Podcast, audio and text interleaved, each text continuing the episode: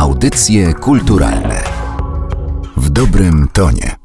W audycjach kulturalnych e, odwiedzamy Muzeum Łazienki Królewskie w Warszawie i wystawę Onna Piękną Siła Ekstaza, która powstała dzięki współpracy z Muzeum Narodowym w Krakowie, a prezentuje jedne z najcenniejszych japońskich drzeworytów w polskiej kolekcji. E, Rozmawiamy z Anną Marat z Muzeum Łazienki Królewskie. Dzień dobry. Dzień dobry. I zanim przejdziemy do tego, co konkretnie na wystawie Onna możemy obejrzeć, to wróćmy do samego początku całej tej e, historii, czyli do okresu Edo, z którego pochodzą prezentowane drzeworyty. Nie każdy wie, co to jest za okres w historii Japonii. Okres Edo przypada w Japonii na czasy, w których po bratobójczych walkach stolicę przeniesiono z Kyoto do Edo, a działo się to w okolicach 1603 roku. W tym czasie od razu, co jest naturalną konsekwencją pokoju, zwiększającego się dobrobytu, szybkiego rozwoju, nastąpiła również ekspansja sztuki.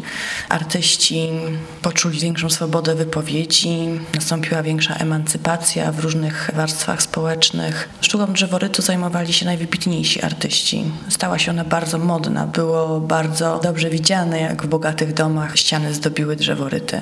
Tematami drzeworytów akurat na naszej wystawie w podchorążówce w Łazienkach Królewskich jest kobieta, stąd tytuł Onna. Onna po japońsku kobieta. Wystawa dotyczy różnych wizerunków kobiety, właśnie z epoki Edo. Bogate mieszczanki, wojowniczki, damy, kurtyzany, gejsze, matki chętnie były portretowane. Wystawa jest podzielona na strefy osobna strefa dla wojowniczki, osobna strefa dla kochanków, dla gejszy, dla matki. Są też takie gdyby drzeworyty poświęcone lekko magicznym sferom, to znaczy duchom.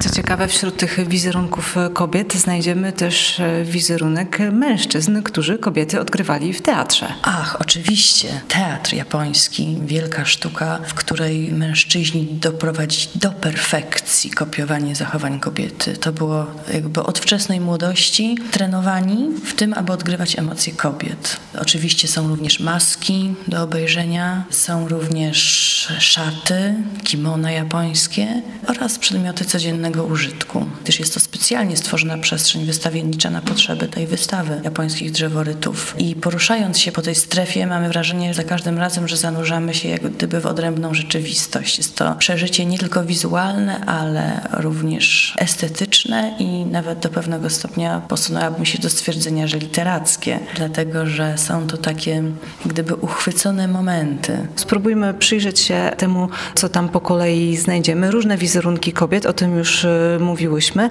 Kobieta i macierzyństwo. Macierzyństwo jest to temat poruszany właściwie w sztuce całego świata. To jest kobieta z dzieckiem na ręku, matka z dzieciątkiem, matka karmiąca i ten temat e, również się przewija w sztuce Japonii. Tutaj możemy zaobserwować, że dzieci są otaczane szczególną troską. Oprócz matki zazwyczaj jest jeszcze ktoś do pomocy, być może ktoś z rodziny, być może pani do wychowywania, służąca. Wizerunek e, kobiety i ten kanon piękna, który w tym okresie obowiązywał, e, przedstawiają e, drzeworyty z kurtyzanami, które były często bohaterkami grafik największych twórców tego okresu. Tak, była taka moda, żeby kurtyzanie sprezentować drzeworyt z jej wizerunkiem, z jej odbiciem. Oczywiście mówiąc kurtyzana, musimy rozumieć, że tam zupełnie co innego znaczyło niż u nas, na przykład kobieta lekkich obyczajów. Kurtyzany, gejsze były to kobiety często bardzo dobrze wykształcone, poetki, artystki. To były takie kobiety, które towarzyszyły mężczyznom, ale one nie były niewolnicami. One mogły stanowić o sobie. To nie było tak, że oddawały się przypadkowemu mężczyźnie. Przypomina mi się teraz książka Hermana Hessego, Siddhartha. Jak główny bohater Siddhartha właśnie podczas swojej wędrówki, poszukiwania rozwoju duchowego, w poszukiwaniu oświecenia napotyka na piękną kurtyzanę i jak ona go uwodzi, ona się na niego godzi. Ona jest bardzo droga, on musi zrobić dużo pieniędzy, żeby móc być jej kochankiem, ale jako kochanek jest partnerem, a nie posiadaczem lub wykorzystywaczem. Nawiązuje się potem między nimi jakaś nić jakiegoś uczucia. I wydaje mi się, że Hesse to właśnie w Sidarcie bardzo dobrze oddał tą sytuację. I to jest ta część wystawy, która ukrywa się pod słowem piękno. E, później mamy siłę, czyli kobiety wojowniczki i tam również pojawiają się japońskie legendy, bohaterki tych legend. Tak, to były kobiety wojowniczki, które potrafiły stanąć do walki. Kobiety z takich dobrych arystokratycznych domów, nawet samurajskich domów, od dziecka kształcone w sztuce walki i wcale nie gorzej władały mieczem, posługiwały się narzędziami walki niż mężczyźni. Bardzo często tak było, że kobiety z rodzin samurajskich, pomimo tego, że na co dzień była skromną, posłuszną, mogłoby się wydawać kobietą, gdy zaszła potrzeba, gdy na przykład małżonek zginął coś się stało, potrafiła nawet poprowadzić do walki oddział. I tak samo w tym duchu Budo, w duchu samuraja, w duchu wojownika. Właśnie wojownikom towarzyszy osobny kodeks Bushido. Jest to kodeks specjalnie stworzony dla kasty wojowników. Też on się rządzi osobną etyką, osobnymi prawami, łącznie z wytycznymi, na przykład kiedy można zabić, a kiedy na przykład straciło się twarz i trzeba popełnić symboliczne sepuku. I żeby przeniknąć tą kulturę, etykę, sztukę, żeby jej dotknąć, należy odwiedzić wystawę Onna, należy zwrócić uwagę na estetykę, być może się zainteresować filozofią. We wszystkich tych twarzach kobiecych ukazanych na wystawie dominuje subtelność, piękno, delikatność. Ta kobieta w każdej swojej odsłonie jest przepiękna, jest tajemnicza, zjawiskowa, ulotna, jak ten kwiat wiśni, który jest symbolem Japonii.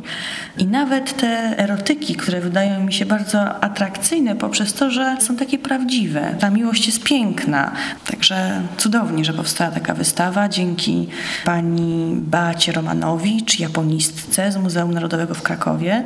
Mamy możliwość tutaj w Łazienkach Królewskich w zupełnie nowo utworzonej przestrzeni wystawienniczej podziwiać jeszcze do 15 sierpnia, czy już niedługo, więc zachęcam do jak najszybszego przybycia i kontemplowania. I warto wspomnieć, że te zbiory, których część prezentowana jest w Muzeum Łazienki Królewskie, to są zbiory, które znajdują się w kolekcji Muzeum Narodowego w Krakowie, podarowane przez pewnego wyjątkowego kolekcjonera. Tym wyjątkowym kolekcjonerem był pan Felix Jasieński, który w 1920 roku ofiarował te swoje zbiory Muzeum Narodowemu w Krakowie.